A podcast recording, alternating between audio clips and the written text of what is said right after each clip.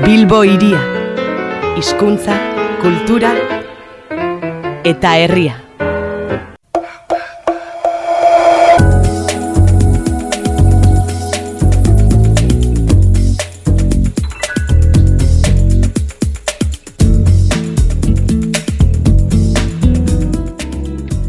Aipatu bezala gaurkoan Bilbo iria irratea zuzeneko mankizuna egiten ari da, Clara Campoamor kulturgunetik. Igu volumena, Euskara, kultura transmisio hartzetatik jardunaldiak izaten ari dira, izeekak e, antolatu dutak, bertan ere aurkeztuko dute damolat unitatea, Euskararen erdigunetik urrun egon daitezkeen eremuetako gazten inguruan.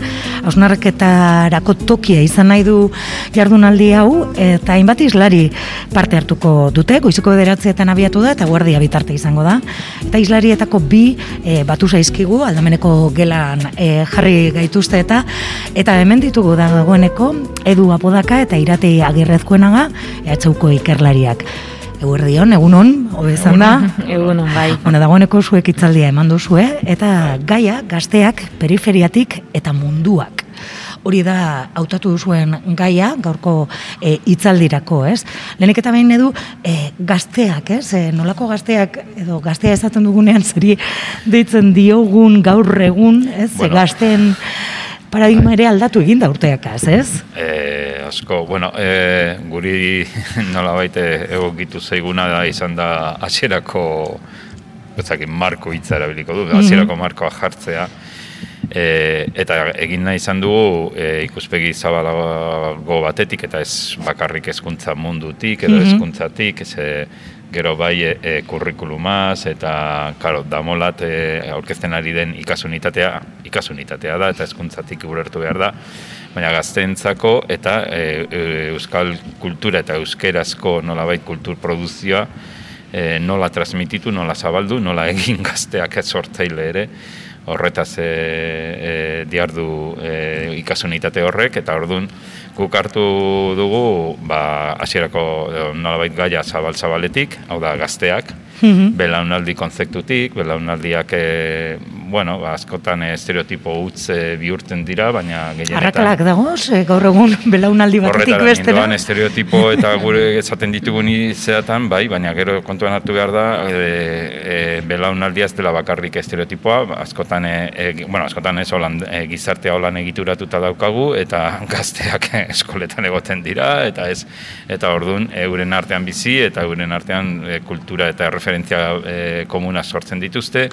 e, oso trebe dira sareetan eta eurentzate berezko plaza da edo eta e, hori ez da helduen mundua jakina arrakala mhm. bai eta arrakala gainera e, gizarte antolatuta dagoen moduan arrakala handitu egiten da. Ez bada bakarrik adin kontu hori baino gehiago itzaten da Don gaztean, e, bueno, ba, nik mesu txiki bat bidali nahi edo plazadatu nahi izan dut, eta mesu izan da, gazte gazte izate horrek baduela asko gabezitik, mm -hmm. gaztea esan dut e, formatu gabe dagoena, heldu gabe esaten du, ez? Heldu behar mhm. dute izan eta izango dira, baina e, tartean heldu gabe daude, e, formatu gabe daude, e, langabe daude, emantzipatu gabe daude, hemengo datuak ikaragarria dira, gazte egoera gero eta gehiago luzatzen da. Bai, bai, e, lehen hogei urtera arte izan bai. zitekena, gaur egun luzatu daiteke. Eta horrek eragina du, ba, azkenean e, e, gazte biz, gazten kondizio horretan, gazte bizi penetan, ez? Eta danok eh, ba, ez dakit, gizarte honetan gaztetasuna asko e, miresten da, baina gazte izatea ez. Eta e, aipatu dugu, ez, gazte gure artean, hemen Euskal Herrian eta Bizkaian e, zehazkiago, e, gazten pisu soziala nola baita, hau da, zenbat gazte dagoen gure gizartean, asko jeitzi da, eta gero eta gitziago dira, eta gainera gero arreta hau ematen diogu, eta ikusi da oso ondo nik uste pandemia eta konfinamenduan gazteak izan direla, pues, aztu, aztu den talde bat, aztu den jende bat, eta e, gabezia baldin bada, e, krisietan gabezi horiek areagotu egiten dira. Mm hori nolabait lehen esan dudan moduan oinarri moduan, ez? Bai, Gero hitz egiteko, pues, markoa jartzeko, bai, ez? Gazte deitzen diogun hori, zer, Hori zer, zeri deitzen diogun, ez? Bai, Ez askotan burutasioan beste gauza batzuk ditugu, ez? Bai. E, gazteen inguruan berba egiten dugunean. Bai. E, hizkuntza ere da beste gaietako bat, baina periferiatik, ez? Lehenek eta behin ere, beste marko bat ere e, jartzeko, e, irati hort, e, hortaz jardun duzuzuk, ez? Mhm, Bai, bai, pixka bat... eh, Periferia zer diogun, ez? Zerri, zeri deitzen diogun, Thanks. Horiei. Hmm, bai, hori da. Berez e, programan ertzak jartzen zuen, baina guri periferia kontzeptua gehiago gustatzen zitzaigun edo iruditzen zitzaigun behar bada, e, beste iruditeri konkretuago batera eramaten zaituela, ez, periferia e, kontzeptuak berak. Eta eduke esan duenaren aritik, jakina, e, gazte izatea zer da, periferikoa izatea, baina ia gainera horri gehitzen badiogu e, euskal kulturaren sorkuntzan aritzea, ba hori ja da periferien periferia, periferia nola baita esatearren, eta hori ere ekarri nahi genuen, azkenean hori baita e, ba, pizkat jardunaldiaren erdigunea, ez da? Periferian dagoen euskal sorkuntza eta batez- batez ere gazteek eh, sortutakoa. Orduan, bueno, ba, kontzeptu horretatik eh, abiatuz, azkenean iristen gara iristen garen puntura da, ba, periferiak eukin bar dutela erreferentziatzat, eukin bar dituzte beste periferiak, ezta? Behar bada ondo dago erdigunea izatea, baina pe- periferiak ere izan dezakela zentraltasuna. E, edik esan duen moduan, guretzako garrantzitsua zen mezu hori transmititzea, ez? E, ikusgarritasunaren garrantzia eta batez ere egin daitekenaren garrantzia, ezta? Gure iruditeriak e, aldatzea. Horitzen dut behin e, batek aldetu zidela, jo, baina Bilbon ez da euskeraz egiten, ezta? bueno, urten zaitez Bilboko kaletara pentsatzen euskeraz egin dezakezula. Segurazki zure iruditeri aldatuko da eta berez eta beraz zure jarrera ere. Orduan, e, bizkat erreferentzia horiek ekartzea, e, euskara sortu daitekela eta bizi daitekela periferian ere aintzat hartzea eta periferiak izan behar dituela erreferente beste periferia batzuk segurazki eta ez erdigunea, ez da erdigunea da e, arazoa zein beste periferia, horri ere eman nahi genion garrantzia. Baina guzti hau gertatzen da e, e, munduan, ez? Eta globalizatu bizigaren honetan ere, e, kanpotik datorren eraginak ere badu eragin e, gaztengan, eta bueno, hori argi dago, ez? Bai, hori aipatu dugu, ez e, gazte, nik gainera ideia pare bate uztartu ditut hortan, ez gazte, lehen esan dudan moduan, gazteen nolabait pisu soziala populazio aldetik jaitsi da asko, gure inguruan igual gazte gitziago topatu alditu eta gazteek pues, pare gitziago topatuko dute, baina aldi berean mundu osoko plaza bat daukate eta gero eta gehiago ibiltzen dira hortan, eta ikusi aldugu e, hor e, nolabait galtzen da kalean topatzen ez dena, e, gal, kalean topatzen ez dena galtzen da, baina e, aldi berean beste zerbait topatzen da. Eta, horta, eta ies egiten zaigu edo...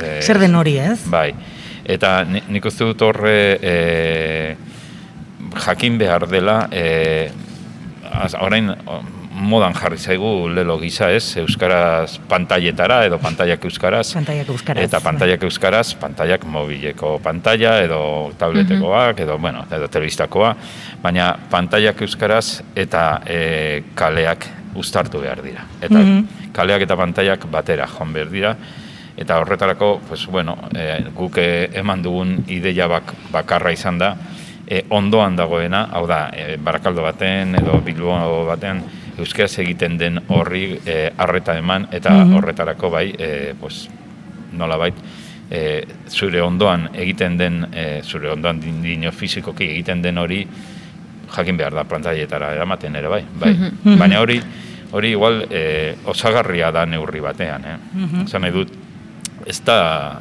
e, e, adin batekoek igual bizitzen dugu hori kontrajarria izango balitz bezala. Nik uste gazteek badakitela ez direla kontrajarriak, osagarria direla, eta batera doa zela.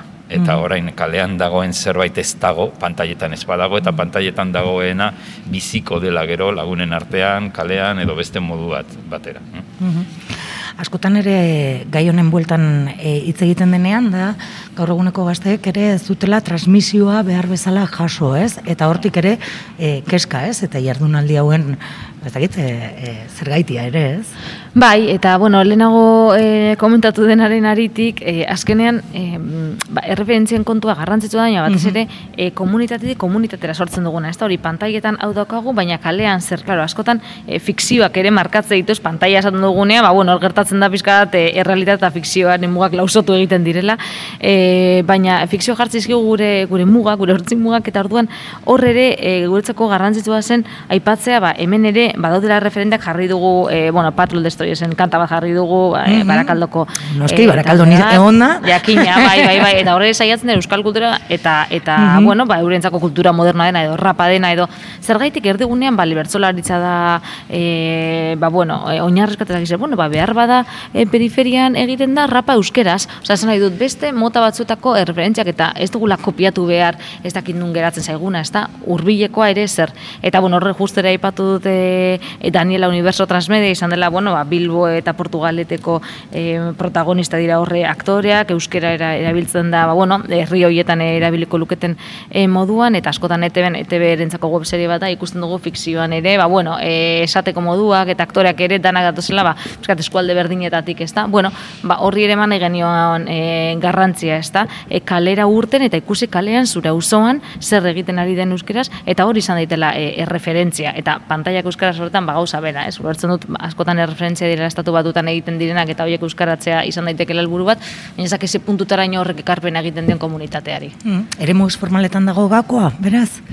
Eta formaletan, bietan. eta formaletan ere ez. Gertatzen dena da, e, askotan pentsatzen dugu eredu formala formal du den neurrian e, kontrolagarriagoa dala edo lako zerbait eta orduan horre neurtu eta ebaluatu dela hobeto zer gertatzen den, zer egiten den eta orduan programa edo ez dakoit ekimen bat martan mm. jartzen denean gero erreza izango dela jakitea arrakaz izan duen ala ez. Eta orduan informala edo formala ez den hori ies egiten digun guztia da, ez? Eta e, Claro, azkenean, azkenean hori da bizigarriena.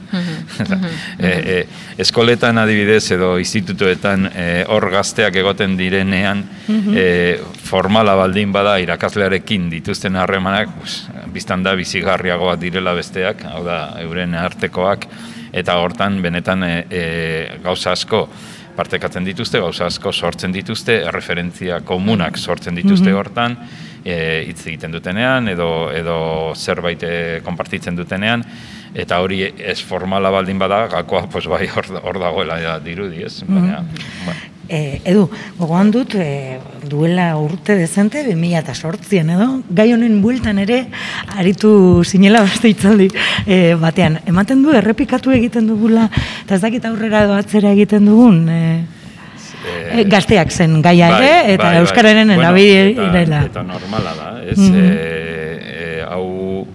Ez da bukatzen, eta hau bizitza da, eta mhm. ez da bukatzen, holan izan da dira, bukatzen bada, agur. Mhm. Ez da bukatzen ez Euskararen bizi berritzea, ez da mhm. bukatzen e, gaztekiko ardura, naiz eta lehen esan duan moduan, igual ardura gehiago izan beharko genuke, eta ez bakarrik kultur... E, bai, hizkuntzari lotuta da. Ez, ez, esan nahi dut, azkenean hau e, berez errigintza da, ez.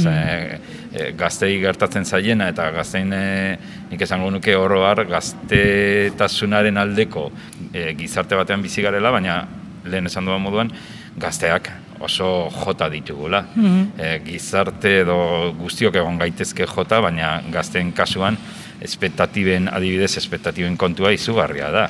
Bai. E, batzuk esaten dizute, mm baina zertarako ikasi ze mundua ez dakit akabatuko dala mm hogei urte barru. Mm Olakoak entzuten dituzunean, e, bueno, pues, ze espektatiba euki aldute.